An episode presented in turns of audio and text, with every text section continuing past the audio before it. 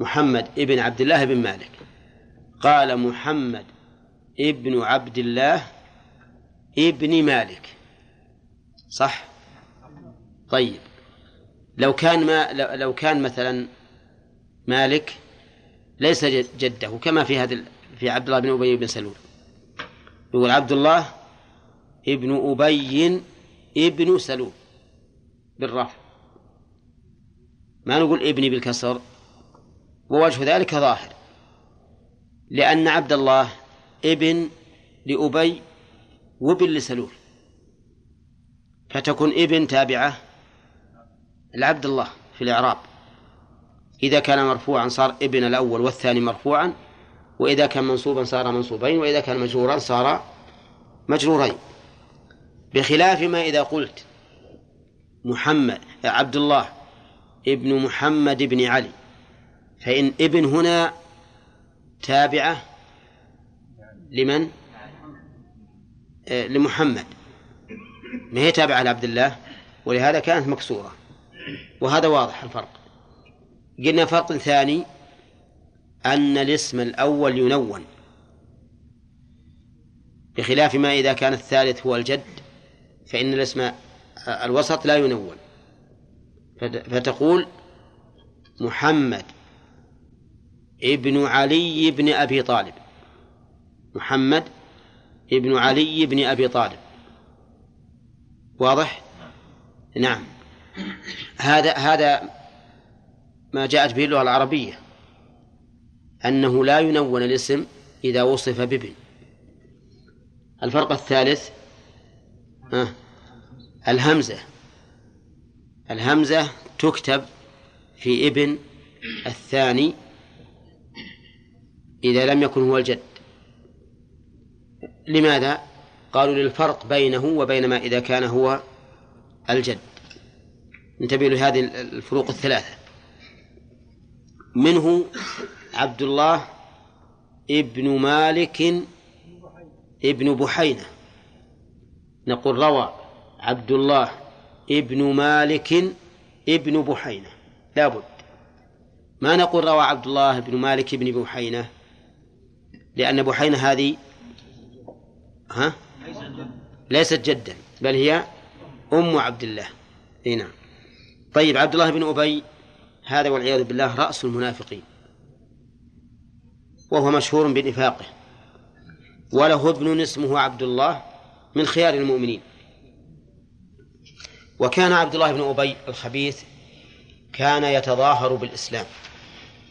وكان النبي صلى الله عليه وسلم يعامل المنافقين معاملة المسلمين أخذا بظواهرهم لأن الواجب علينا نحن أن نعامل الناس بالظواهر ما نعاملهم بالبواطن لأن البواطن إلى الله سبحانه وتعالى.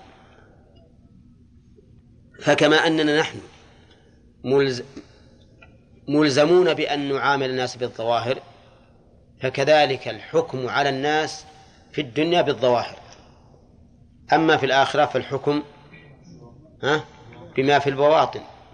لقول الله تعالى يوم تبلى السرائر فما له من قوة ولا ناصر. أفلا يعلم إذا بعثر ما في القبور وحصل ما في الصدور. أما في في الدنيا فإن العبرة بالظاهرة. عبد الله بن أبي بن سلول لما مات جاء ابنه عبد الله وهو من خيار المؤمنين إلى النبي صلى الله عليه وسلم فقال أعطني قميصك أكفنه فيه. قميص النبي صلى الله عليه وسلم يلبسه الرسول عليه الصلاة والسلام. ولا شك أن ما كان الرسول يلبسه فإنه يجوز أن يتبرك به الإنسان كما سبق في حديث زينب. وعلى هذا فإن عبد الله جاء إلى الرسول صلى الله عليه وسلم يطلب منه أن يعطيه قميصا ليكفنه. فيتبرك بذلك. ولكن هل ينفعه هذا؟ لا ينفعه. لكن بناء على الظاهر. أما الحقيقة فإنه لا ينفعه لأن الكافر لا ينفعه الشفاء لا تنفعه شفاعة الشافعين ففيه نفع لهذا المنافق. عبد الله بن أبي. ها؟ أبدا ما يخفف. لأن الله يقول فما تنفعهم شفاعة الشافعين إلا ما ورد. ولا أعلم أن أحدا خفف عنه إلا أبا طالب. هنا طيب فيه نعم. هذا الفعل يكون عن مودة لأبيه وأبيه رأس المنافقين يعني أي كأن الرسول صلى الله عليه وسلم رأى أن هذا من باب المودة للقرابة لا للدين. وهذا شيء من الطبيعي أن الإنسان يحب والده مثلا أو ابنه ولكنه لا يواده يعني ما يطلب مودته. أما المحبة الطبيعية فهذا أمر لا بد أن تكون.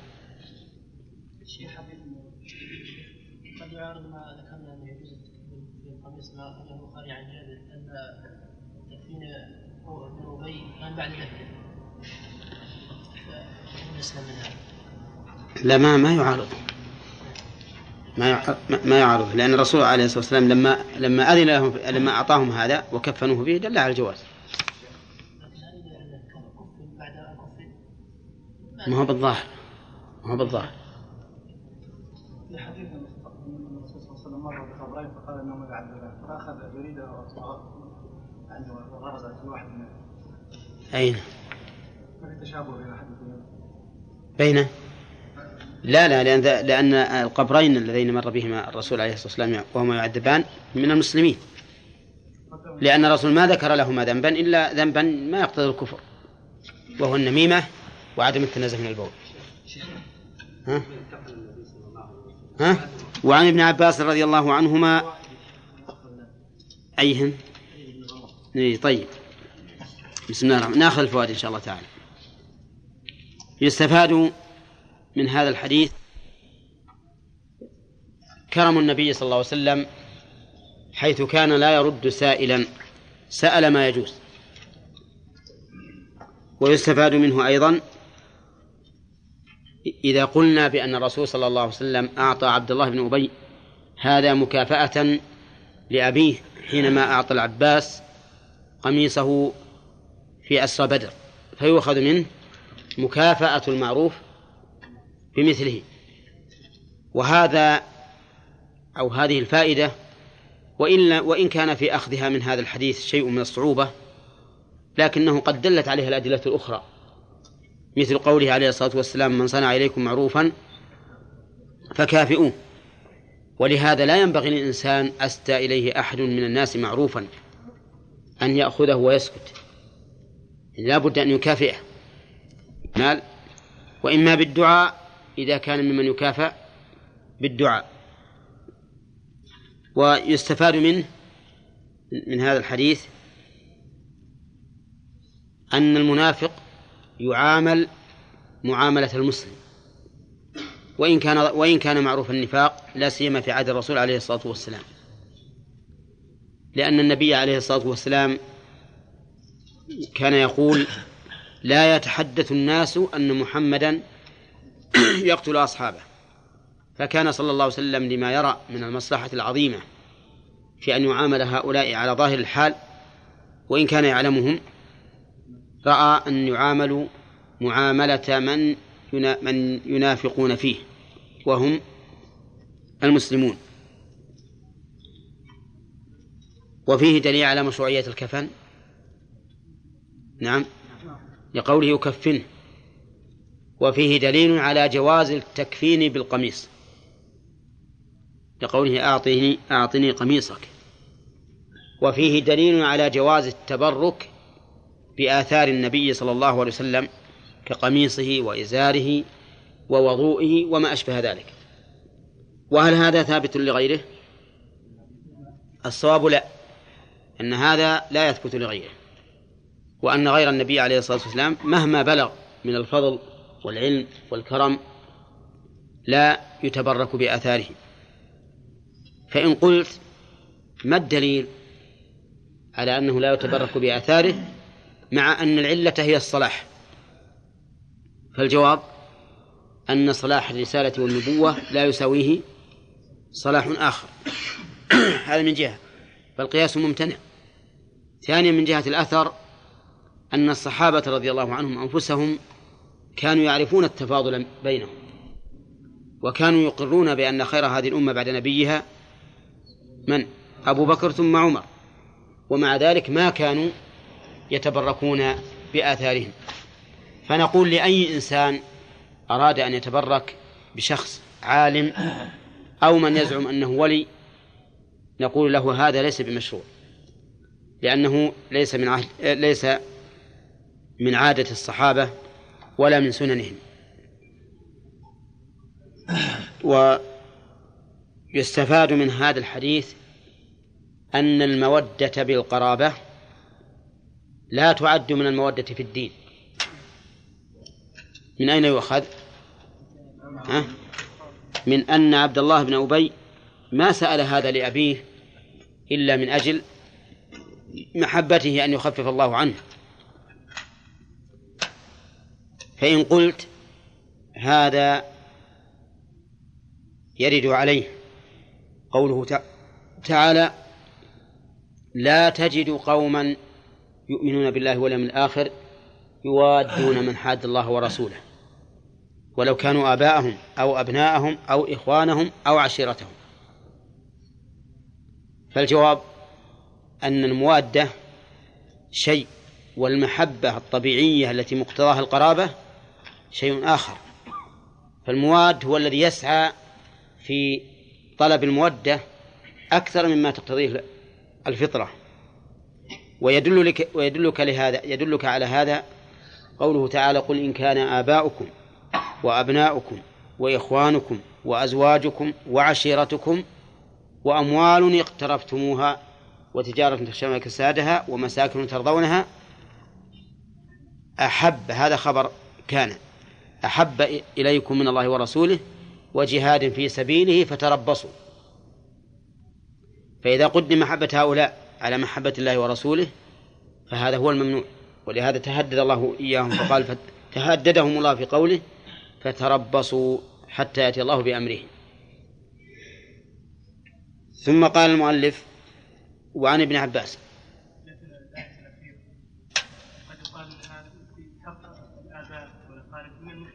نعم. أيهن؟ آيات براءة؟ هي عامة. هي عامة. قل إن كان آباؤكم وأبناؤكم عامة.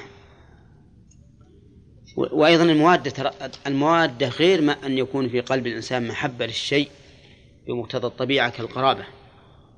الموادة بمعنى أن أن يطلب ودهم ويسعى إليه بكل وسيلة. نعم. ما نفسي تأليف قلوب المنافقين والمشركين؟ كيف؟ تأليف قلوبهم أن عبد الله بن أبي له حزب يعني. إيه. وعلى كل حال من لا شك أن التأليف ثبتت به بل في القرآن.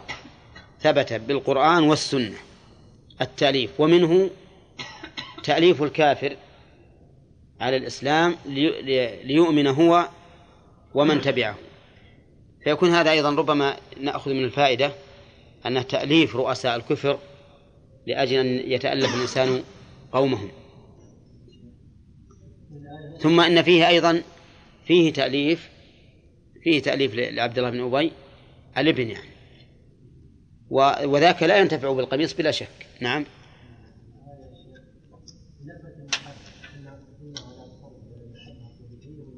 نعم. هل هي لا إذا إذا كان الإنسان يجعل هذه أحب إليه إليه من الله ورسوله فهذا ممنوع سواء كانت طبيعية أو أو أنها عرضية. ما يجوز لأحد يقدم محبة الله يقدم محبة أي شيء على محبة الله ورسوله. حتى محبة نفس الإنسان يجب أن يكون الله ورسوله أحب إليه من كل شيء.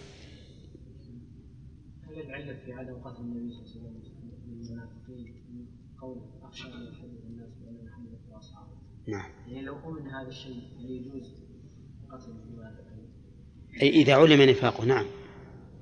ولهذا العلماء نصوا على ذلك حتى أنهم قالوا لا تقبل توبتهم لا تقبل توبته. فإذا علم نفاقه نفاقه وفساده في الأرض يجب أن يقتل. نعم. يعني مثلا لأن النبي صلى الله عليه وسلم توفي والمنافقين ما زالوا موجودين يعلم نعم. لماذا لم؟ كأن عمر رضي الله عنه لما أن الرسول أمر حذيفة أن يسرهم ولا يخبر أحدا ما ما علم بذلك أحد. ما علم بذلك أحد. ولهذا نفس عمر يقول لحذيفة أنشدك الله هل سماني لك رسول الله صلى الله عليه وسلم في من سمى من المنافقين؟ فلا فلا يعلم عنهم. إي نعم بس ما دام حذيفة يعلم وقد أسر إليه الرسول ما يمكن يروح للخليفة يقول إن فلانا منافق وفلان منافق وفلان منافق. يعني هذا إفشاء لسر الرسول عليه الصلاة والسلام. نعم. أعطى الرسول صلى الله عليه وسلم القميص لعبد الله هل هذا اقرار يعني لما فهمه عبد الله من أنها تنفع. نعم. قد يقال إن هذا ظاهره قد يقال إن هذا ظاهره لكن الرسول يعلم أن ذلك ليس بنافعه و... و... لا ما... نعم. نقول ان إن عبد الله بن بن أبي إيه، بن سلول إما أن يكون عالما بأن أباه منافق أو جاهل وكونه يجهل ذلك عندي بعيد. كونه يجهل ذلك عندي بعيد. لكن لعل عبد الله بن أبي أراد أن يأخذ بصورة الحال. بصورة الحال مثل ما قال الأخ. إنه من باب التأليف لاقوامهم لأقوام هؤلاء المنافقين. والله أعلم إنما هي هي قضية عين ففيها احتمال؟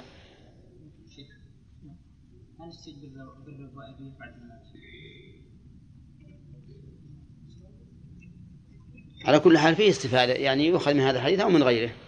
الإنسان بعد بعد وفاة أبيه أو أمه البر مفتوح. في رواية أنا أرجو أن لا تتفرع المسائل.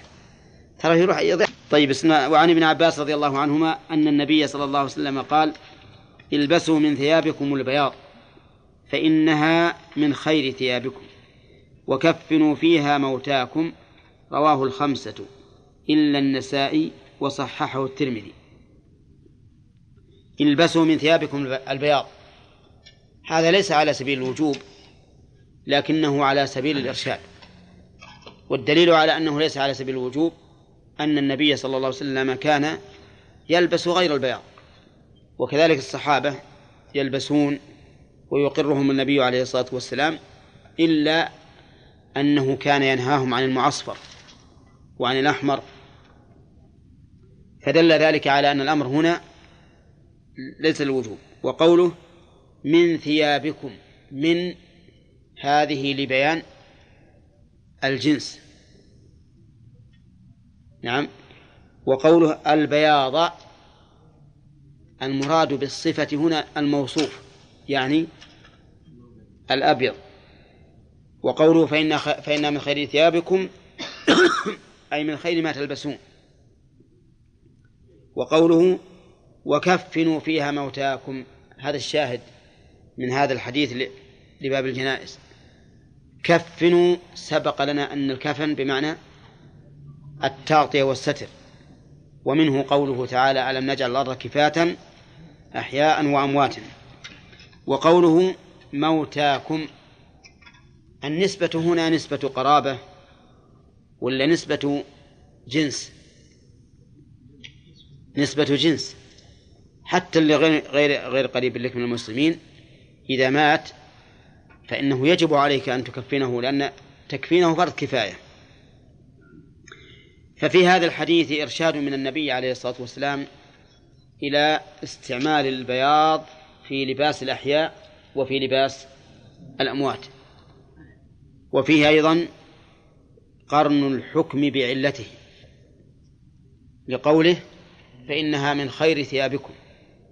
وقرن الحكم بالعلة له ثلاث فوائد. الفائدة الأولى الإشارة إلى أن هذه الشريعة لا تأمر بشيء ولا تنهى عن شيء إلا إلا لحكمة. هذه واحد. ثانيا زيادة طمأنينة الإنسان. لأن الإنسان إذا عرف, عرف علة الحكم فإنه يطمئن إليه أكثر. الثالث إمكان القياس على المعلل بما يشاركه في العلة فيقاس عليه في إيش؟ في الحكم ويقال حكمهما واحد. مثال ذلك قال النبي صلى الله عليه وسلم لا يتناجى اثنان دون الثالث من أجل أن ذلك يحزنه. هذه العلة علت لحكم واحد وهو التناجي بين اثنين دون الثالث. لكن كل ما كان يحزن المؤمن فإنه يقتضي أن يكون يقتضي هذا الحديث أن يكون منهيا عنه لأن العلة وهي الإحسان موجودة. فهذا المثال من أبرز ما يكون على ما ذكرنا وأظهره أن الحكمة أن ذكر الحكمة مقرونة بالحكم يستفاد منه يا عبد الله هذه الفوائد الثلاث. ويستفاد من الحديث مشروعية التكفين بالبياض وهو كذلك. فإن كفن بغير الأبيض فهو جائز. لكنه لا يكفن في ثوب محرم كما لو كفن الرجل بحرير فإن ذلك حرام. أو كفن الرجل أو المرأة بمصور فيها فيها تصوير فإن ذلك حرام. طيب لو لو كفنوا بمغصوب ها؟ كذلك حرام سواء كان رجلا أو امرأة. نعم. نعم. هو على كل يعني جواز تكفين المرأة بالحرير حتى وإن كان ظاهر الحديث العموم. حل لإناث أمتي. فإنه قد يقال إنه إنما أحل للنساء في حال الحياة لحاجتنا إلى التجمل. وأما بعد الممات فلا حاجة. لأن تجمل لمن؟ لكن إذا قدرنا أنه من باب الإسراف فإنه يحرم يحرم لهذا السبب. وقد يكون الحرير رخيصا مثلا. أو يكون لا نجد إلا هذا الحرير. نعم كيف الثياب؟ ها؟ البياض في في باب الكفن للرجال وللنساء. طيب نشوف الآن. نعم. ولو وجد بس يعني الكفن محرم مثلا الحرير يدفن على ما هو عليه أو لا هذا ضرورة لأن لبس الحرير للضرورة حتى في الحي جائز. هذا ضرورة. طيب يستفاد من هذا الحديث الإرشاد إلى لبس البياض. وهو عام للرجال والنساء لأن إلبسوا وإن كان موجها للرجال فالأصل اشتراك النساء مع الرجال في الأحكام إلا ما قام الدليل عليه. كما أن الحكم الموجه إلى النساء يشمل الرجال إلا ما قام الدليل عليه. ففي قوله تعالى والذين يرمون المحصنات ثم لم يأتوا بأربعة شهداء فاجلدوهم ثمانين جلدة لو أن أحدا رمى محصنا من الرجال هل يجلد؟ نعم يجلد ثمانين جلدة لأن الحكم الموجه إلى النساء أو المخصص بالنساء يدخل يشمل الرجال إلا بدليل. طيب إذن يجوز للمرأة أن تلبس البياض. نعم. ولا ما يجوز؟ يجوز. يجوز. لكن بشرط أن لا يكون تفصيله كثياب الرجال. لأنه إذا كان تفصيله كثياب الرجال صار تشبها. والنبي صلى الله عليه وسلم لعن المتشبهات من النساء بالرجال. وقد مر علينا مسألة غريبة في باب الإحداد على الميت ولعلكم تذكرونها. أن الفقهاء رحمهم الله يقولون يجوز للمحادة أن تلبس الأبيض ولو كان حسنا. أتذكرون هذا؟ ولكن ذكرنا أن ذلك ليس بصحيح. هم يعللون يقول لأن هذه هذا الحسن من طبيعته. ما أضيف إليه لون أو ما أشبه ذلك حتى نقول إنه يحرم ولكن سبق لنا أن العبرة بالتعريف أو بالحد والضابط دون الأجزاء. والضابط أنه يحرم على المحادة أن تلبس كل شيء يدعو إلى النظر إليها ويرغب في جماعها وعلى هذا الأبيض تمنع منه. أقول إن لباس المرأة البياض لا بأس به.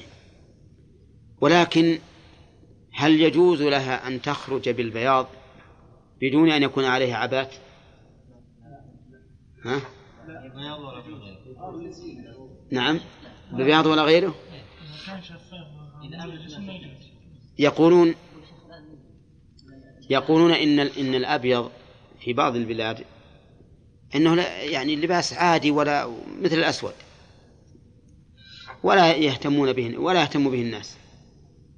لكنه عندنا وخصوصا في نجد يرون أن البياض لباس زينة وبناء على ذلك لا يجوز للمرأة أن تلبس الأبيض ولو كان عليها عبات ما دام أن العبات ما هي ضافية على كل البدن لأنه إذا كان إذا كان لباس زينة صار من باب التبرج.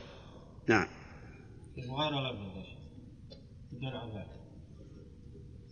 والله ما ما أقول فيها شيئا لأني أخشى أن أفتح بابا. وإلا في الأصل أن المرأة إذا تحجبت فإنه يجوز. الفصل الآن. نعم. أقول الفصل الآن. وهدي النساء كما علمتم من قبل أنه أنهن يلبسن الجلابيب. يلبسن الجلابيب. الجلابيب مثل العبات. نعم. لبس البياض بالنسبة للنساء. فلا يعتبر الله من التشبه بمن؟ بالرجال. إذا علم من في البلد أنه لبس البياض خاص بالرجال. إيه لكن بارك الله فيك إذا صار تفصيله غير تفصيل ثوب الرجل تميز.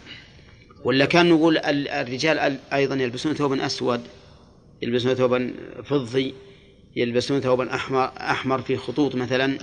نعم. فهل يحرم على النساء هذا؟ ما يحرم.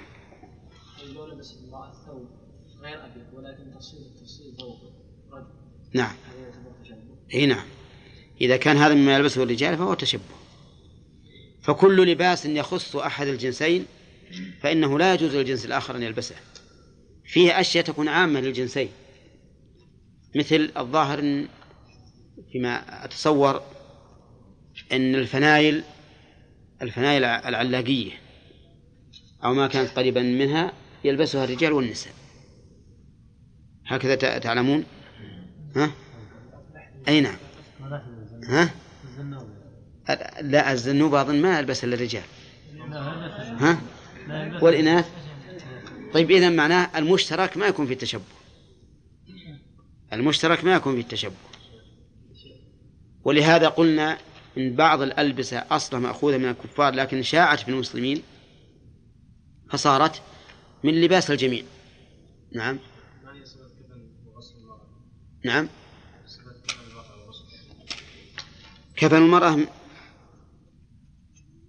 المشهور من المذهب أنه تكفن في خمسة أثواب إزار وقميص وخمار ولفافتين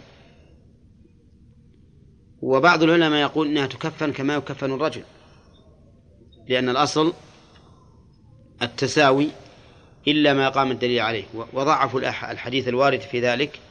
وهذا مر علينا ولا لا؟ مر علينا في المنتقى وقلنا بعض العلماء قال إن الحديث ضعيف ولا يحتج به.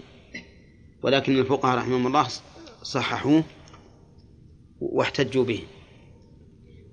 ويجب أن نعلم أن الواجب في الرجل والمرأة ثوب يستر. إذا وجد ثوب يستر البدن كله فهذا هو الواجب. والمساء على سبيل الكمال فقط. نعم. التغسيل تغسل المرأة كما يغسل الرجل. نعم. إيش؟ قلنا قلنا إن الصرف عن الوجود الرجال وهم أحياء والنساء فعل النبي صلى الله عليه وسلم طيب النبي صرف عن الوجود الوجود بالنسبة للأموات. نعم. ما الصالح عن الوجود؟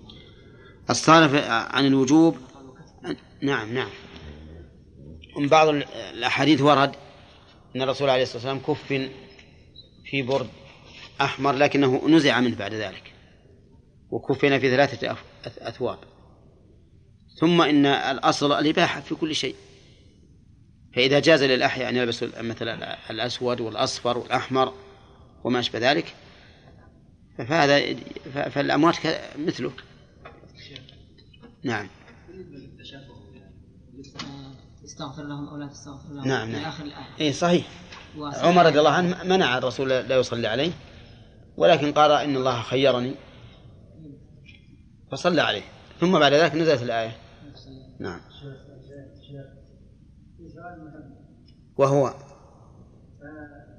الحديث هذا حديث عبد الله بن ابي انه أتى إلى الرسول صلى الله عليه وسلم في حديث آخر في البخاري إن إن الرسول صلى الله عليه وسلم أتى إلى عبد الله بن ابي إلى أبيه وأخرجه بعد ما وأخرجه من القبر ثم نفث فيه. كنا لما أن عبد الله بن ابي طلب القميص من الرسول عليه الصلاة والسلام استعد لذلك. ثم جاء إليهم وقد ووجدهم قد دفنوه آه، قد وضعوه في القبر.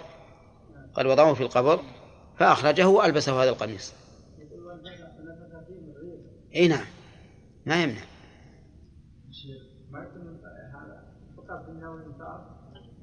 ابدا اللي يظهر لي هذا من باب التأليف. من باب التأليف لابنه ومن باب التأليف لقومه نعم. بعض النساء ضيقا وعن جابر رضي الله عنه قال قال رسول الله صلى الله عليه وسلم إذا كفن أحدكم أخاه فليحسن كفنه. رواه مسلم. حتى المحارم ما يجوز أن تبدي العجيزة المحرم. قال إذا كفن أحدكم أخاه. المراد بالأخ هنا الأخ في الدين. فيشمل من جمع بين الأخوتين أخوة النسب وأخوة الدين. وقوله فليحسن كفنه. الإحسان نوعان. أحدهما أن يأتي بقدر الواجب وهذا واجب. والثاني أن يحسن أكثر من ذلك وهذا سنة. وإحسان الكفن ليس معناه أن ننظر إلى أغلى ما يكون من الأكفان ونكفنه فيها ولكن إحسان الكفن ما وافق الشرع لأن الإحسان حقيقة هو موافقة الشرع فكل شيء موافق للشرع فهو حسن وكل شيء مخالف للشرع فهو سيء وليس بحسن. وهذا نظير ما مر علينا في قول النبي عليه الصلاة والسلام إذا قتلتم فأحسنوا القتلة وبينا أن هذا لا ينافي الرجم الثابت للزاني المحصن لأن المراد بإحسان القتلة أن تكون متمشية على الشريعة. فيستفاد من هذا الحديث الأمر بإحسان الكفن لقوله فليحسن كفنه بحيث يكفنه على الوجه المشروع. ثانيا استعمال الألفاظ التي تجلب الحنو والشفقة. لقوله أخاه. هل يؤخذ من هذا الحديث أن غير المسلم لا يكفن؟ لقوله إذا كفن أخاه. أو يقال إنه مسكوت عنه. الظاهر أنه مسكوت عنه.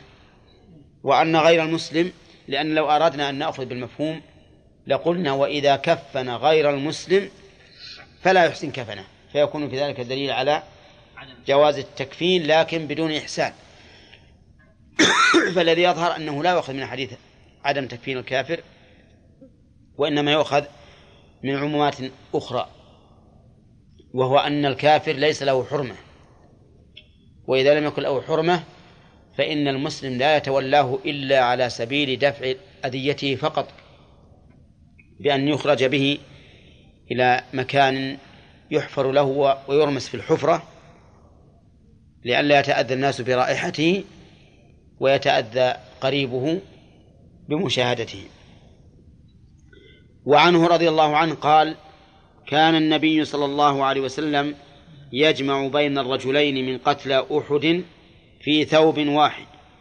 ثم يقول أيهم أكثر أخذا للقرآن؟ فيقدمه في اللحد.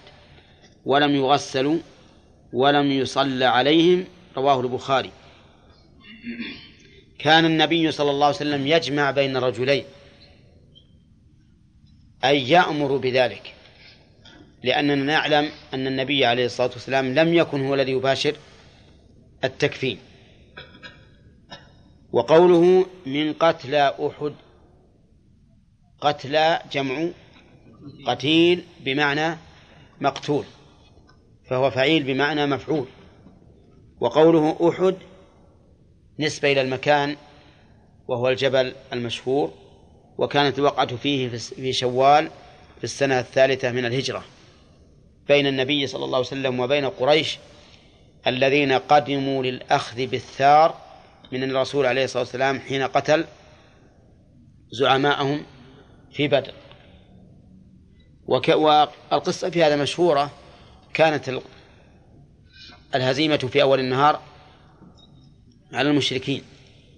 لكن حصل شيء من المعصية في توجيه الرسول عليه الصلاة والسلام لهؤلاء الجند وتنازع. أشار الله إليه في قوله حتى إذا فشلتم وتنازعتم في الأمر وعصيتم من بعد ما أراكم ما تحبون. وين جواب إذا؟ من بلاغة القرآن أنه لم يذكر الجواب لأجل أن يذهب الذهن في تقديره كل مذهب. فممكن نقدر وعصيتم من بعد ما أراكم ما تحبون حصل لكم ما تكرهون. أو حلت بكم العقوبة أو ما أشبه ذلك من مما يقدره الإنسان. وقول يجمعهم في ثوب واحد. هل المعنى أنه يشق الثوب بين الاثنين؟ فيكفن هذا في بعضه وهذا في بعضه؟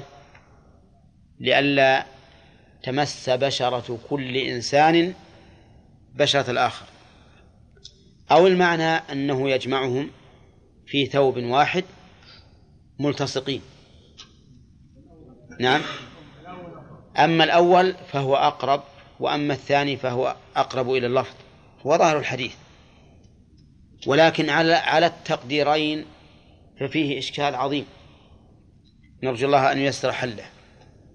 ذلك الإشكال أن المعروف أن الرسول صلى الله عليه وسلم دفن أهل أحد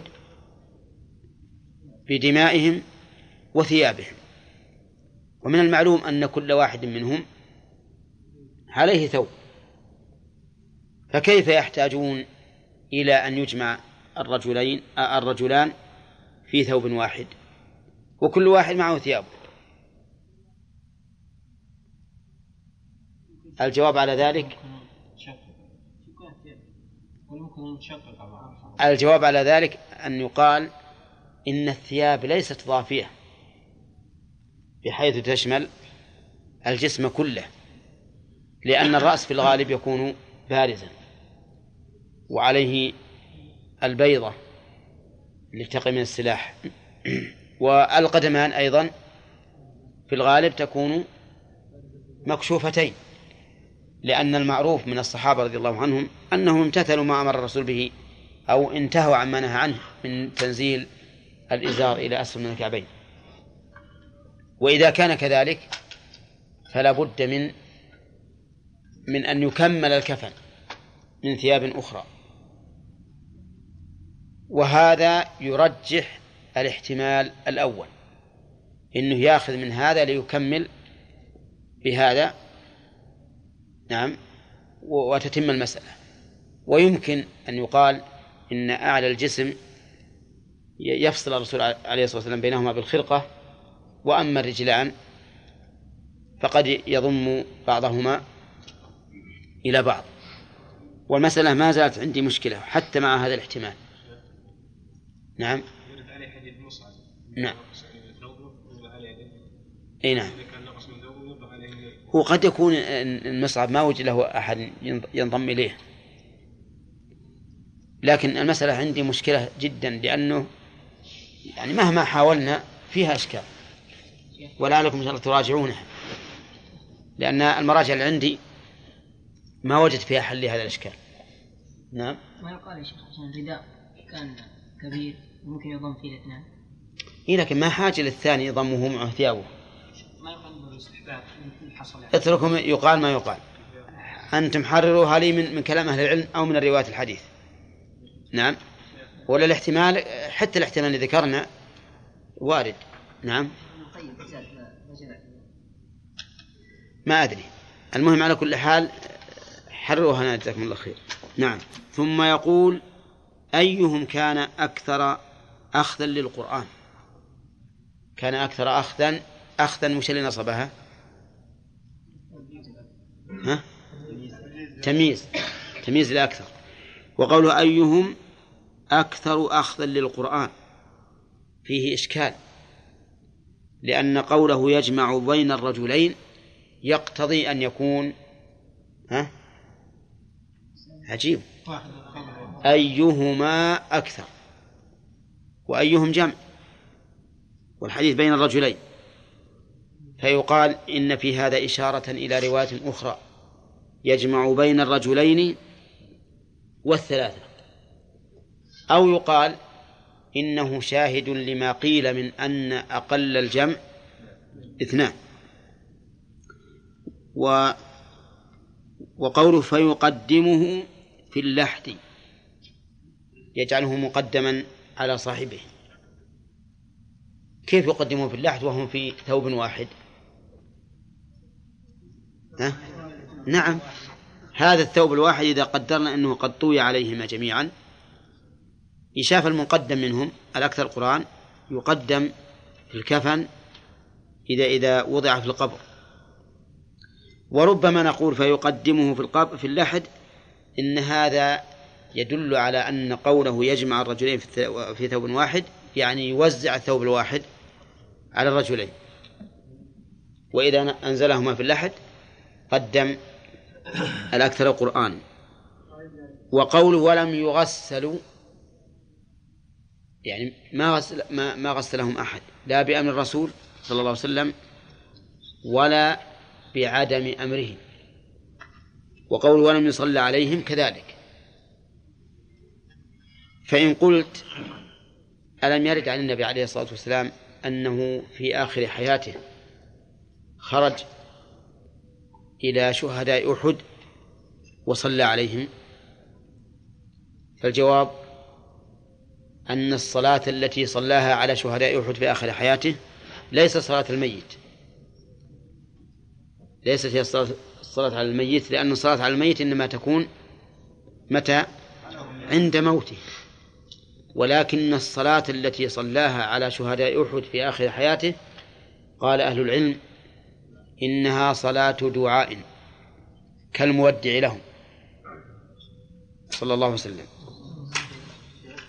نعم يستفاد يستفاد من هذا الحديث جواز جمع الرجلين في لحد واحد. ولكن هذا متى؟ عند الحاجة. والحاجة قد تكون كثرة الموتى وتعب الأحياء في في حفر القبور.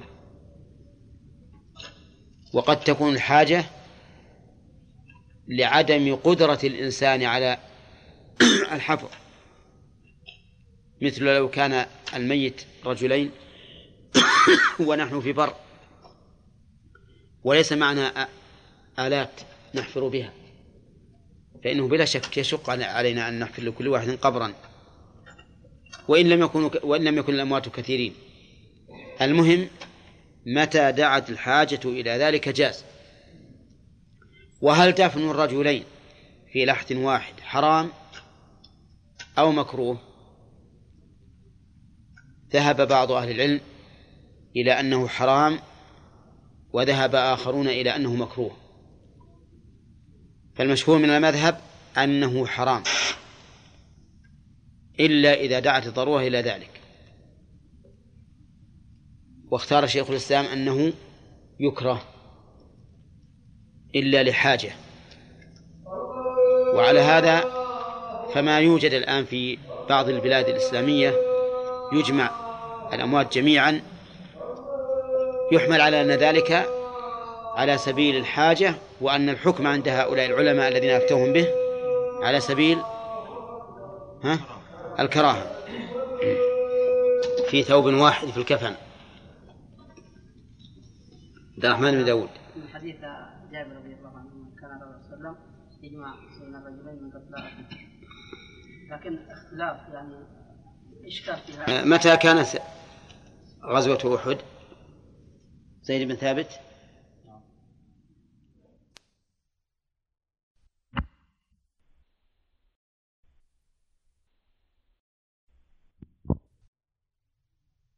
من المسلمين واجبة فرض كفاية.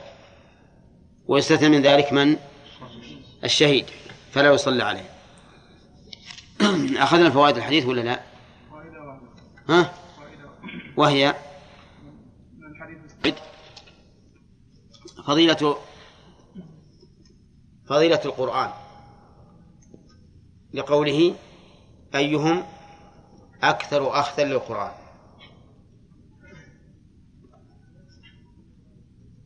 ومن فوائده أن المعتبر بالأقرأ الأكثر قراءة. فيؤم القوم أقرأهم لكتاب الله يعني أكثرهم قراءة. بدليل هذا الحديث أنه قدمه لكثرة قراءته. وبدليل حديث مالك بن حويرث وليؤمكم أكثركم قرآنا. ومن فوائد الحديث ما أشرنا إليه قبل قليل وهو أن الشهيد لا يغسل. والحكمة من ذلك لإبقاء دمه عليه لأنه يبعث يوم القيامة وجرحه يدعب دما اللون لون الدم والريح ريح المسك. وهل يستفاد منه أنه ينبغي إبقاء أثر العبادة المكروه عند الناس أو لا؟ ها؟ الجواب بعض العلماء قال ذلك. ولهذا قالوا ينبغي للمعتكف أن يخرج يوم العيد غير متجمل. يخرج بثياب اعتكافه. قالوا لأنها أثر عبادة فاستحب أن تبقى عليه ولكن هذا ليس بصحيح. لأن وساخة الثوب بالنسبة للمعتكف مو من أجل الاعتكاف. ولكن من أجل طول المكث. ولهذا المعتكف يجوز أن يغتسل ويجوز أن يتطيب ويجوز أن يلبس الثياب الجميلة. ما له دخل في الاعتكاف. وكان الرسول عليه الصلاة والسلام يخرج رأسه إلى عائشة وهو معتكف فترجله وهو في اعتكافه. فالوسخ التي في ثياب المعتكف مو من أثر العبادة حتى يقاس على دم الشهيد. لكن لو قال قائل المحرم يكون أشعث أغبر لأنه مكشوف الرأس والبدن ليس عليه الثياب المعروفة. فهل نقول يسن للمحرم أن يبقي الشعث والغبر عليه؟ هل يشرع له يعني؟ هل يشرع له ذلك؟ أو له أن يغتسل ويزيل هذا الشيء؟ الجواب له أن يغتسل. ويزيل هذا الشيء. وقد ثبت عن النبي عليه الصلاة والسلام أنه كان يغتسل وهو محرم. نعم. وعلى هذا فإن هذه المسألة لا يقاس عليها. لا يقاس عليها بل هي مسألة خاصة في الشهداء. ومن فوائد الحديث أنه لا يصلى على الشهيد.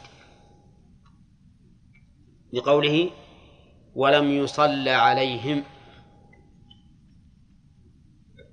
قال أهل العلم وذلك لأن الصلاة على الميت شفاعة بدليل قول النبي صلى الله عليه وسلم ما من مسلم يموت.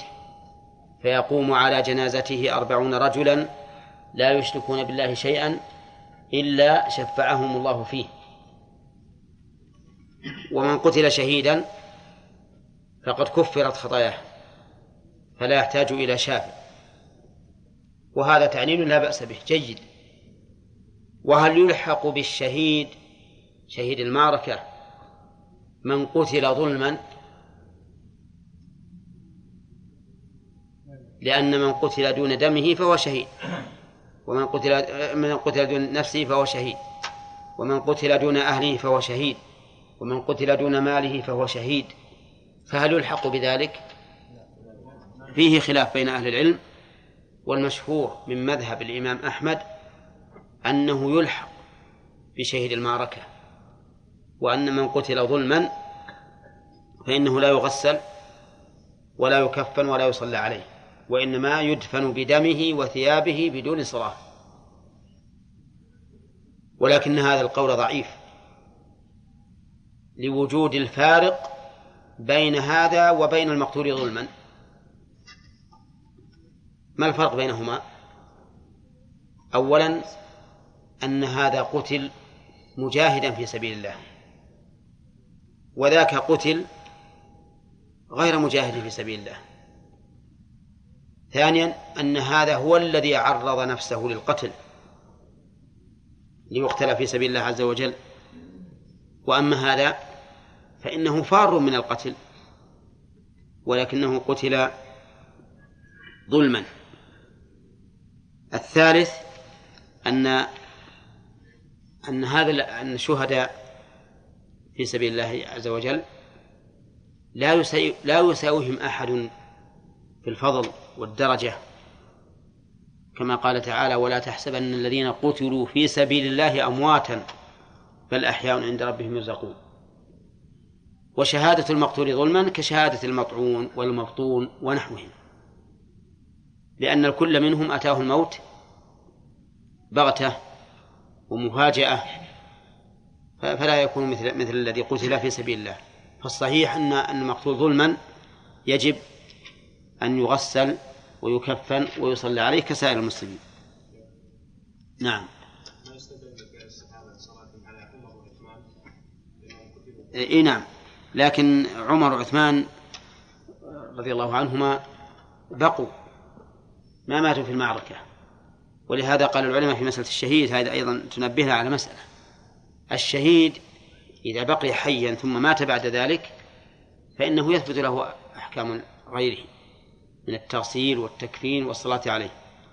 لكن إذا قتل في نفس المعركة فإنه لا يغسل ولا يكفن ولا يصلى عليه.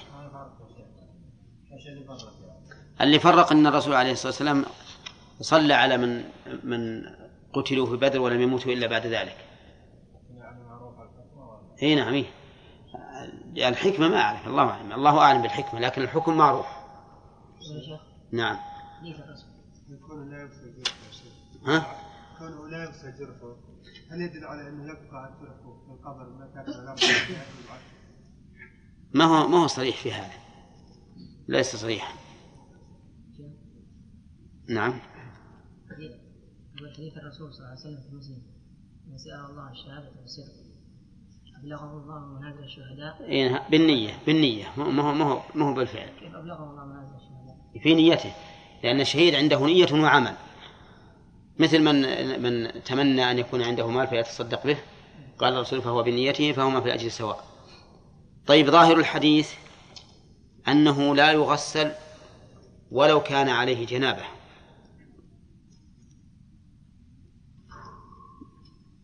وجهه أن الرسول صلى الله عليه وسلم ما استفصل وهو كذلك.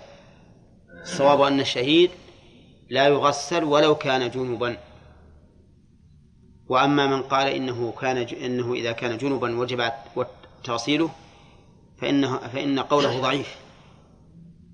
لأن غسل الجنابة إنما يجب على من قام إلى الصلاة.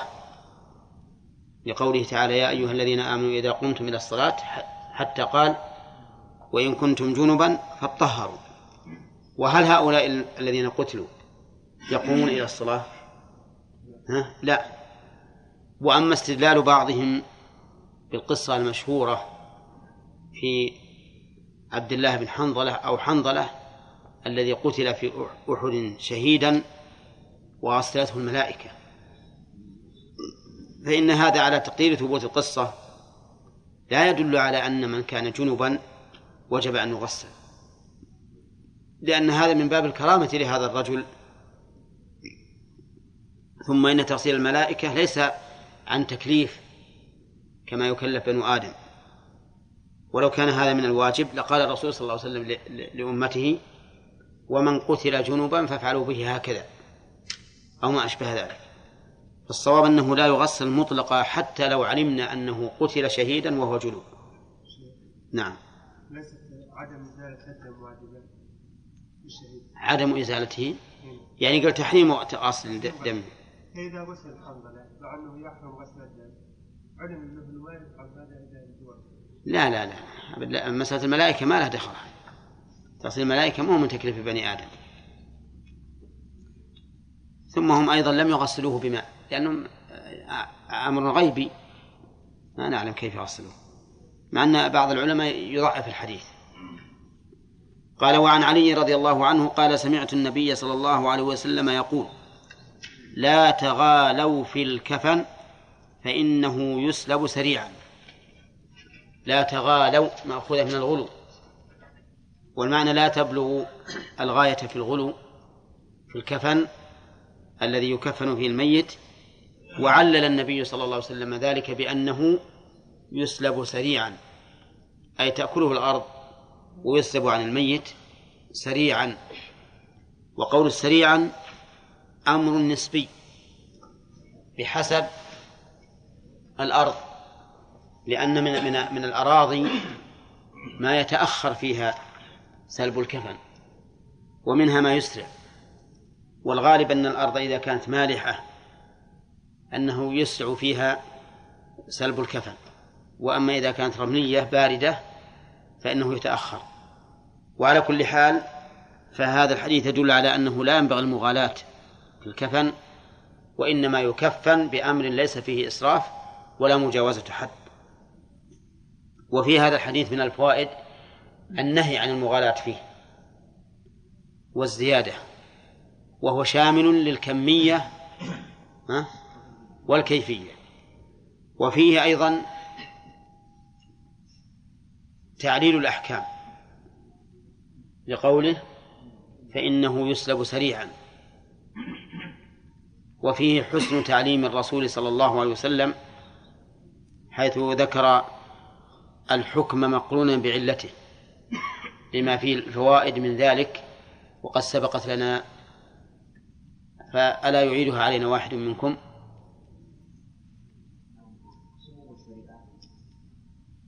بيان سمو الشريعة وأن أحكامها مقرونة بالحكمة. نعم. نعم.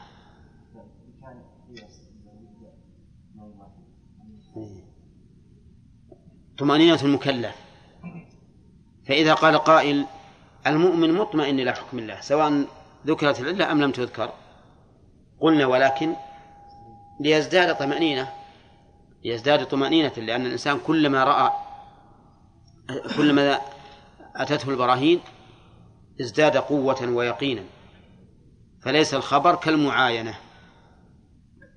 وأما الفائدة الثالثة فهو القياس على ما شارك هذا في العلة فيقاس عليه. نعم مثال ذلك قوله تعالى قل لا أجد فيما أوحي إلي محرما على طعام يطعمه إلا أن يكون ميتة أو دما مسفوحا أو لحم خنزير فإنه رجس. قوله فإنه رجس يستفاد منه تحريم كل ما كان رجسا أي نجسا.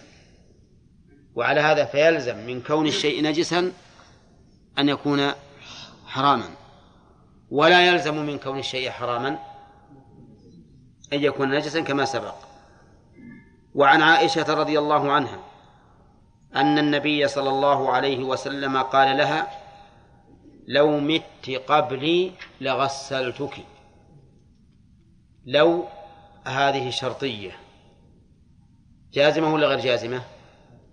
ها؟ جازمة. غير جازمة. ما تجزم. ولكنها شرطية فيها جواب فيها شرط وجوابه. وقوله مت ولا مت؟ ها؟ يجوز الوجهان. إن كانت من مات يميت فهي مت. إن كانت من مات يموت فهي مت. وهما لغتان في هذا الفعل. وقول لغسلتك هذا جواب الشرط. يعني أن الرسول صلى الله عليه وسلم خاطب عائشة بهذه الجملة بأنها لو ماتت قبله لغسلها. قال ذلك من باب التحبب والتودد يعني أنه يتولاها عليه الصلاة والسلام حتى بعد بعد مماتها فيغسلها هو بنفسه. وأتى المؤلف بهذا الحديث في كتاب الجنائز لفائدة وهي الشاهد وهي جواز تغسيل الرجل زوجته. جواز تغسيل الرجل زوجته. وجه الدلالة من الحديث أنه قال لو مت قبلي لغسلتك ولو كان حراما ما غسلها. فيستفاد من من الحديث هذه الفائدة وهي محل الشاهد منه. ويستفاد منه بيان منزلة عائشة عند الرسول عليه الصلاة والسلام. وكانت أحب نسائه اللاتي معه معها. أحب نسائه اللاتي معها ومن فوائده أن النبي صلى الله عليه وسلم لا يعلم الغيب. نعم. لأنه قال لو مت قبل لغسلتك لغسلتك و فإن قلت نعم ومن فوائده أيضا أنه ينبغي للإنسان أن يتودد إلى زوجته. كما ينبغي لها هي أيضا أن تتودد إلى زوجها. وفي الحديث تزوجوا الودود الولود. حتى أنه أبيح للرجل مع زوجته والزوجة مع زوجها أبيح لهما الكذب. الذي ينبني عليه المحبة والمودة. مو كالكذب. الكذب اللي فيه مصلحة. لأن المودة بين الزوجين لها فوائد عظيمة كبيرة. طيب فإن قال قائل كيف يغسلها وقد بانت منه؟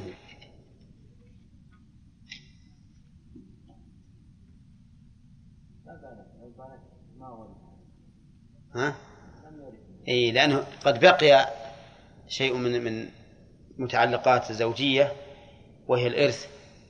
وأيضا فإن النصوص دلت بعمومها على أن الإنسان إذا ماتت إذا مات وزوجته معه أو بالعكس فإنها تكون زوجته في الآخرة.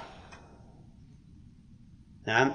ربنا وأدخلهم جنات عدن التي وعدتهم ومن صلح من آبائهم وأزواجهم وذرياتهم. إنك أنت العزيز الحكيم. وقال تعالى والذين آمنوا واتبعتهم ذريتهم بإيمان ألحقنا بهم ذريتهم. فآثار النكاح باقية.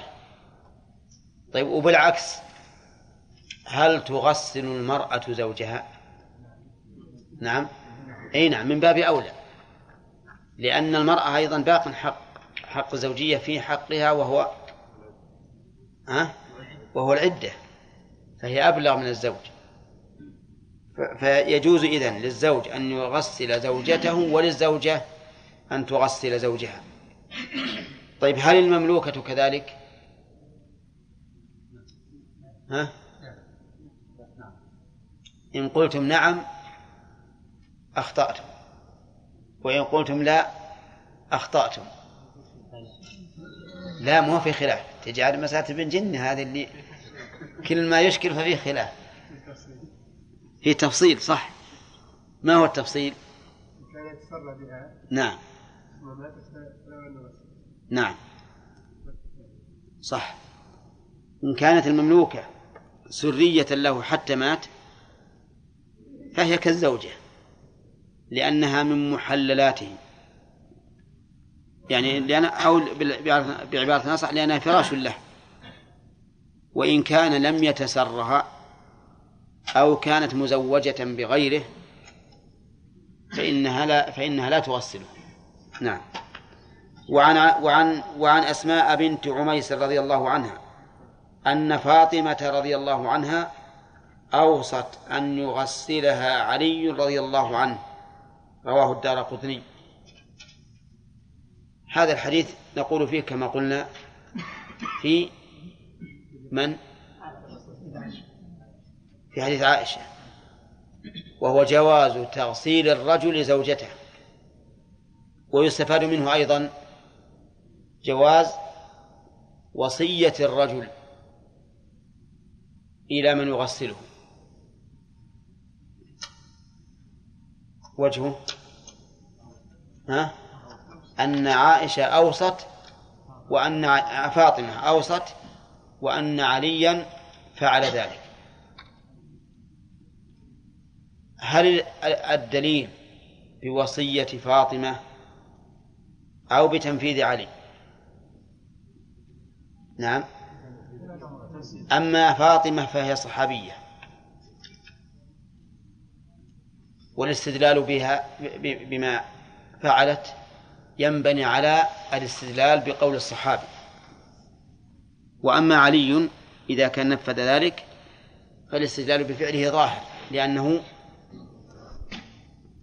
وعن بريدة رضي الله عنه في قصة الغامدية التي أمر النبي صلى الله عليه وسلم أمر برجمها في الزنا فقال قال ثم أمر بها فصلي عليها ودفنت رواه مسلم.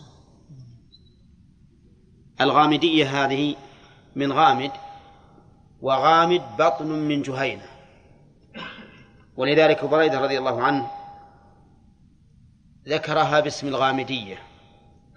وعمران بن حسين ذكرها باسم امرأة من جهينة. وهما واحدة. هما واحدة. هذه المرأة جاءت إلى الرسول عليه الصلاة والسلام وهي حبلى من الزنا. واعترفت عنه عنده بأنها زنت. وأمرها النبي عليه الصلاة والسلام أن تتوب إلى الله. وأن تستغفر. يعني وأن تستر على نفسها. فقالت يا رسول الله أتريد أن ترددني كما رددت ماعز ماعزا؟ مصممة رضي الله عنها على أن يطهرها من هذا هذا الزنا. فقال ما شأنك؟ قالت إنها حبلى من الزنا. ولكن الرسول عليه الصلاة والسلام أمر أن تنتظر حتى تضع ثم حتى تفطم الولد. فلما فطمت الولد أمر بها فرجمت. فكان من جملة من رجمها خالد بن الوليد رضي الله عنه. فحصل عليه دم من رأسها حين ضربه فسبح فقال له النبي عليه الصلاة والسلام إن لقد تابت توبة لو تابها صاحب مكس لغفر له.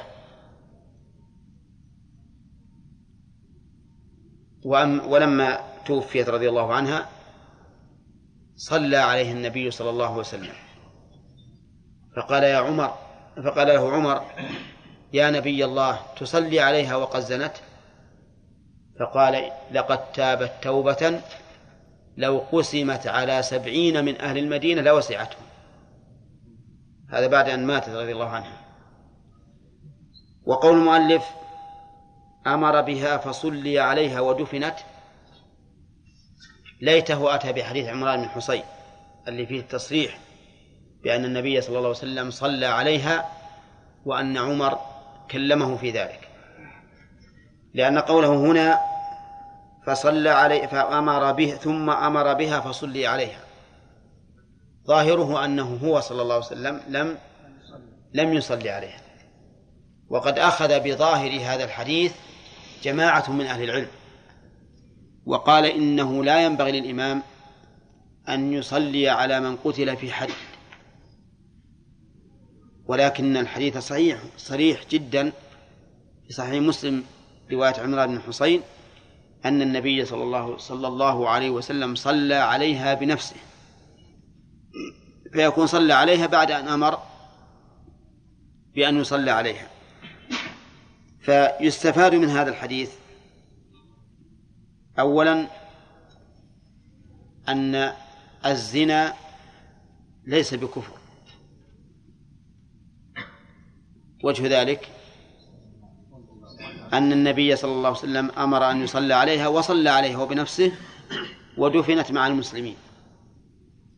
يتفرع على هذه الفائدة فائدة أخرى وهي الرد على الخوارج والمعتزلة. لأن الخوارج يقولون في فعل كبيرة؟ إنه كافر. والمعتزلة قال إن النبي قال أتي النبي صلى الله عليه وسلم برجل قتل نفسه بمشاقص فلم يصلي عليه رواه مسلم. أتي برجل أي جيء به إليه وهو ميت جنازة قتل نفسه بمشاقص ألب هذه للاستعانة أو للسببية لكن الأقرب أنها للاستعانة كما يقال ذبحته بالسكين وضربته بالعصا وما أشبهه. وقوله بمشاقص جمع مشقص. قال. أهل اللغة والمشقص نصل عريض. نصل من السهام لكنه عريض. وقتل نفسه الله أعلم ما سبب هذا القتل لكن قتل النفس محرم من كبائر الذنوب. وقد ثبت عن النبي عليه الصلاة والسلام أن من قتل نفسه بشيء عذب به في جهنم. إن كان بحديدة فهو يجأ بها نفسه خالدا مخلدا في نار جهنم. إن كان بسم فإنه يتحساه في نار جهنم خالدا مخلدا فيها.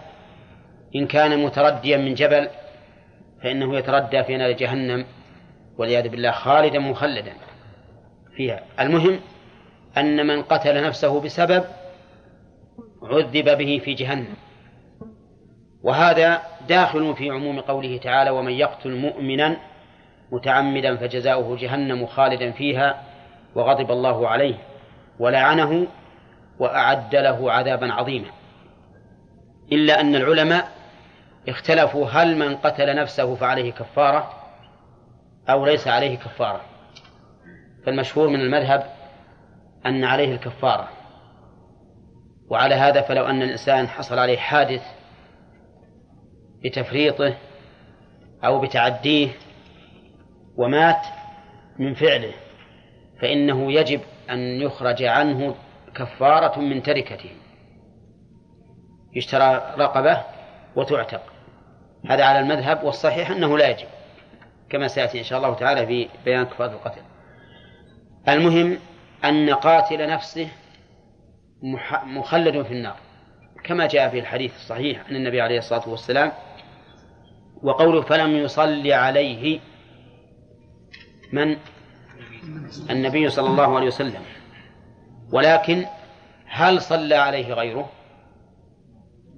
يحتمل لأنه لم يقل وأمر وأمر بالصلاة عليه بل قال فلم يصلي عليه. ولكننا نقول لو كان لو كان غيره لم يصلي عليه لقال فلم يصلى عليه بالبناء للمجهول. ولما قال فلم يصلي وخص الفعل بالنبي صلى الله عليه وسلم دل على أن غيره قد صلى عليه. ويؤيده لفظ رواية النسائي أما أنا فلا أصلي عليه. أما أنا فلا أصلي عليه. وهذا ظاهر أو كالصريح. نعم صريح أو كالصريح بأن الرسول صلى الله عليه وسلم هو الذي لم يصلي عليه وأما غيره فقد صلى عليه. ويؤيده من حيث المعنى أن الرسول صلى الله صلى الله عليه وسلم كان قبل أن يفتح عليه. إذا أتي برجل مدين ليس له وفاء لا يصلي عليه.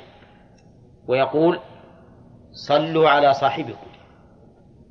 إذن فالذي يترجح إن لم يكن متعينا هو أن الرسول صلى الله عليه وسلم لم يصلي عليه ولكن الصحابة صلوا عليه. فيستفاد من هذا الحديث يستفاد من هذا الحديث تعظيم قتل النفس. لأن الرسول صلى الله عليه وسلم عزره بترك الصلاة عليه. ولكن هل هو تأديب له أو ردع لغيره؟ طبعا ردع لغيره. أما هو فقد فلا يفيده التأديب. ويستفاد من هذا الحديث أيضا أنه يشرع للإمام أو كبير القوم أن لا يصلي على قاتل النفس. يشرع له أن لا يصلي. ولكن هل يكره أو يحرم؟ فيه قولان لأهل العلم. فمنهم من قال يحرم ومنهم من قال يكره. يعني يحرم أن يصلي. ومنهم من قال إنه يكره. والصحيح أنه راجع إلى مراعاة المصلحة. فإذا تعينت المصلحة في عدم الصلاة عليه وجب أن لا يصلي وحرمت الصلاة.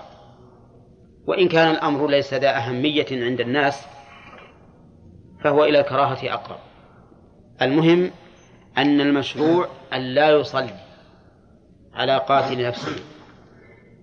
ويستفاد من من هذا الحديث أن قتل النفس كبيرة.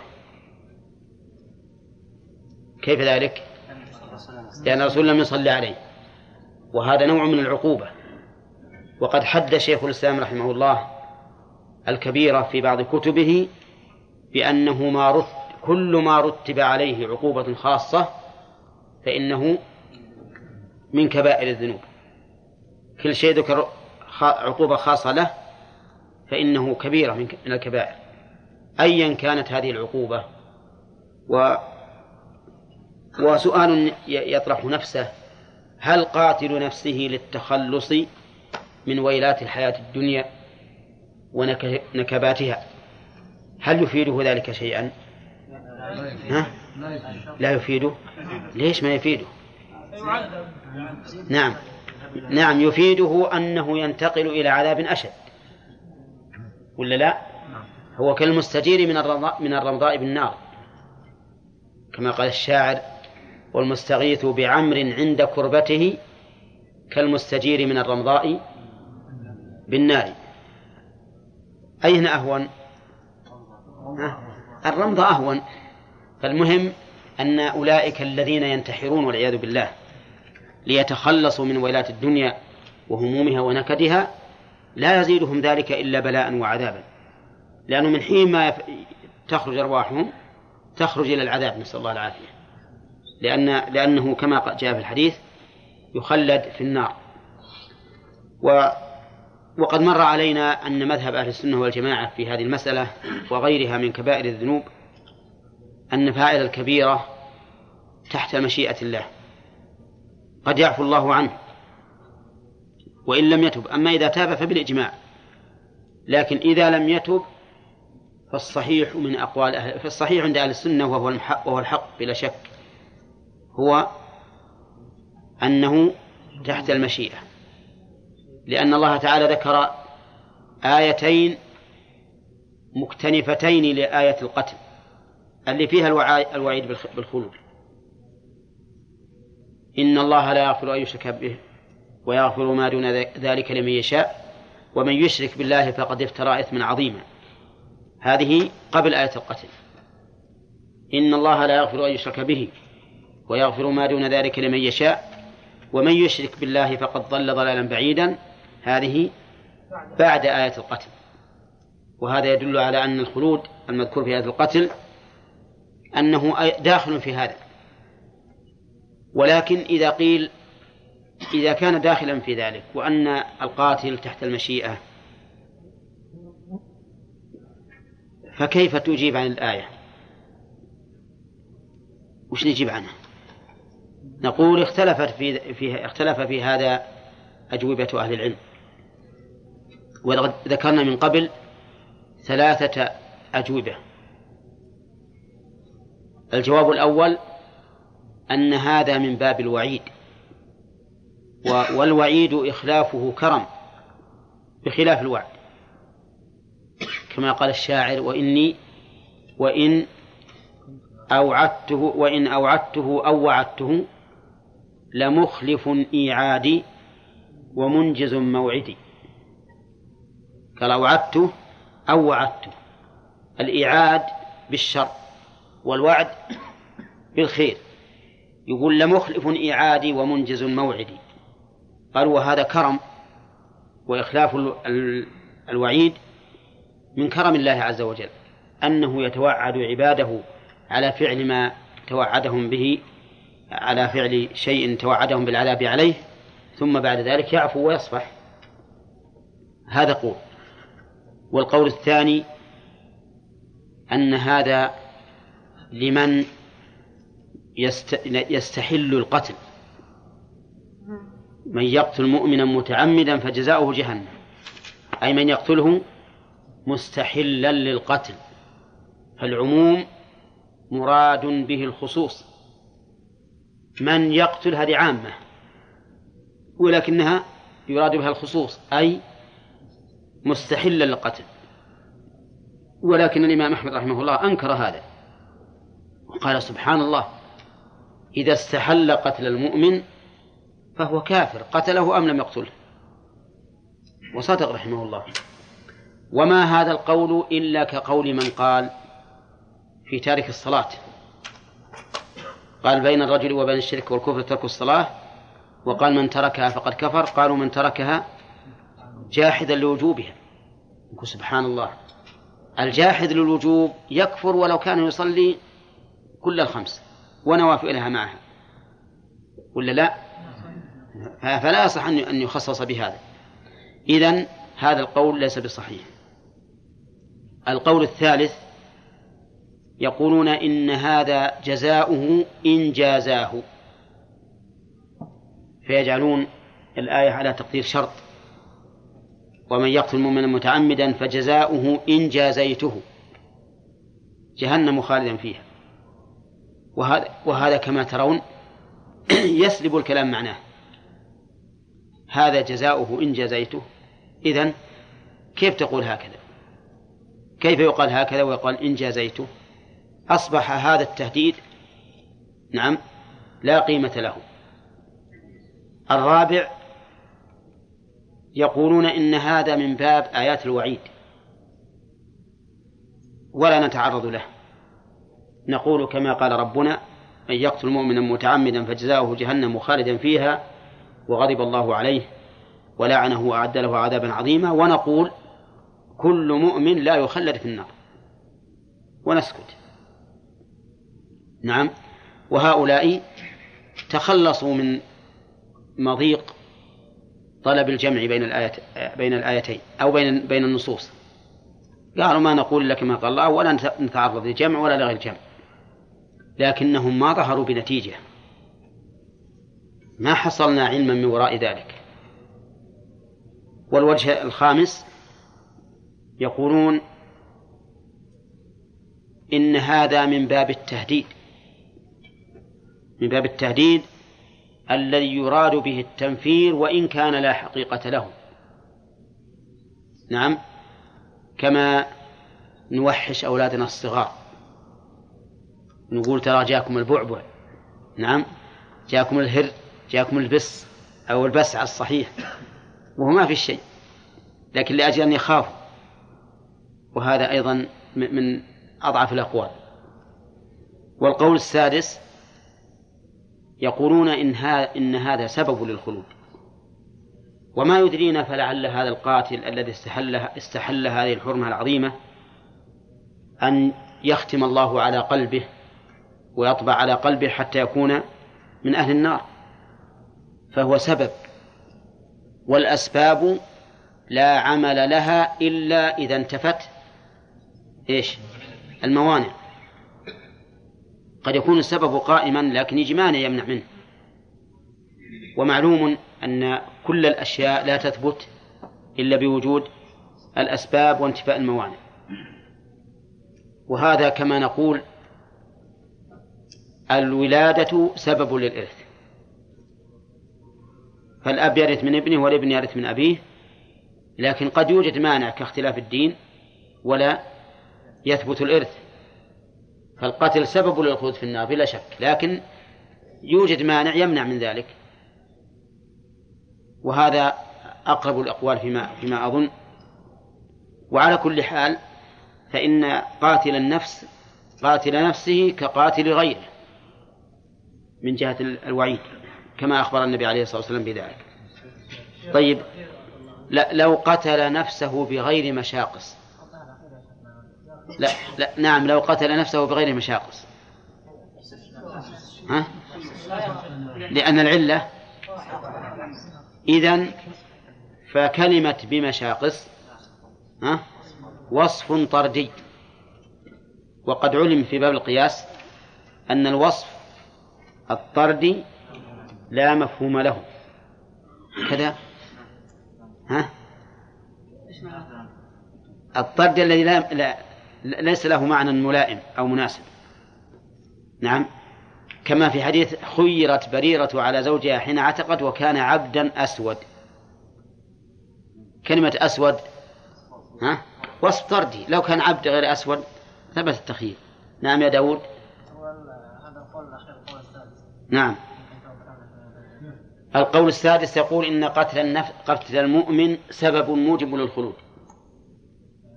نعم. فإذا انتفت الموانع ثبت السبب أو ثبت المسبب. الموانع الإيمان والتوحيد. التوحيد يمنع من الخلود. ونسيت ونسيت وجها سابعا. نسيت وجها سابعا وهو أن الخلود إذا لم يقرن بالتأبيد فهو المكث الطويل. فهو المكث الطويل وليس هو المكث الدائم المكث الدائم. ها؟ نعم. هذا ورد في في من قتل نفسه بمشاقص أما في الآية لا. نعم. لكن الجواب الأول شيء نعم. هل هو وجيه؟ أيهن؟ أي وه... ما هو ما هو بوجيه. ليس بوجيه لأن الله لا يخلف الميعاد وعدا كان أو وعيدا. نعم. هذا يجعل جميع النصوص التي جاءت فيها تحريم بعض المعاصي كالربا ها؟ أقول هذا التفصيل. نعم. يرجع على جميع النصوص التي جاءت بتحديد يعني بعض هو ما نقدر نحكم يعني لا أقول ننظر إلى كل نص بخصوصه. لكن إذا جاء بهذه الصيغة خالدا في النار أو ما أشبه ذلك أي أكل الربا نعم. ذكر الله أن أولئك أصحاب النار هم فيها خالدون. مثل هذه. نعم نعم. لو سأل سائل الإنسان يقتل نفسه بمصلحة المسلمين في الحرب حيث أنه يقتل مجموعة من إيه. وش ترون في هذا؟ ها؟ السؤال يقول لو قتل الإنسان نفسه لمصلحة المسلمين. ها؟ يجوز ولا لا؟ لا يجوز. شيخ إن كان فيه مصلحة مضمونة للإسلام للإسلام طبعا. اي نعم. فلا حرج كما فعل البراء رضي الله عنه. لما ألقي من حديقة الموت. اي اي نعم. ففيه لا هم آه، قصة البراء ما هي موت محقق. نعم. مغامرة ما هي موت محقق. اي نعم. لكن إذا يعني الاصل إذا كان في نفع المسلمين. ونفع يعني مصلحة محققة ولا تلقوا كما قال أنكر أبو أيوب رضي الله عنه. على من قال ولا تلقوا بأيديكم إلى التهلكه لما دفع أحد الصحابة أو أحد السلف. نعم. في معركه يرموك إي نعم. أنكر أبو أيوب على من استدل أن هذا تهلكة. نعم. وذكر سبب نزول صح. إي لكن هذا كله السلامة موجودة يعني في احتمال للسلامة. واحد يدفع أمام إي نعم.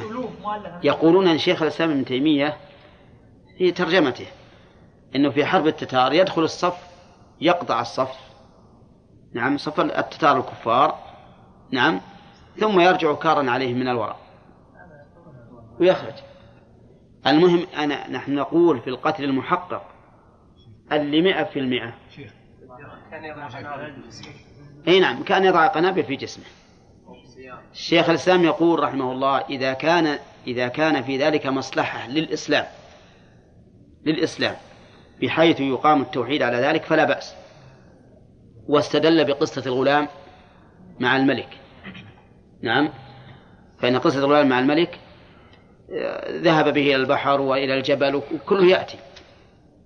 وقالوا إن كان تريد أن تقتلني حقا فخذ سهما من كنانتي. واحشر الناس جميعا ثم ارمني به وقل باسم رب هذا الغلام. إذا فعلت ذلك فأن تقتلني. وهذا محقق الموت ولا لا؟ محقق. ففعل الملك فقال الناس باسم رب الغلام وكانوا بالأول يقولون إن ربهم هو الملك. فهذا نفع عظيم. انقلب الكفار إلى مسلمين موحدين. أما مجرد واحد غامر يقتل سبعة أنفار أو ربما ما يقتل نعم والله مع, مع والله أعلم بالنيات لكن إذا سلمت النية تماما يعني. وصار قصده أن تكون كلمة الله العليا فلا يجوز هذا لا يجوز هو يعرف أنه يقتل مئة بالمئة إي نعم. أن يأخذ أسرار أسرار المسلمين هذه تحصل تحصل كثيرا. نعم. ان أمسكوه إيه؟ أعطاهم أسرار المسلمين بالعذاب.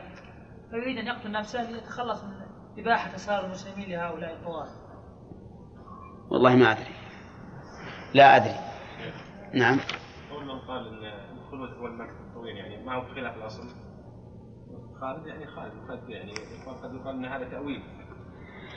هو كل الم... كل هذه الأوجه التي ذكرت كله من أجل دفع ما ثبتت به السنة من أن من في قلبه إيمان وتوحيد لا يخلد.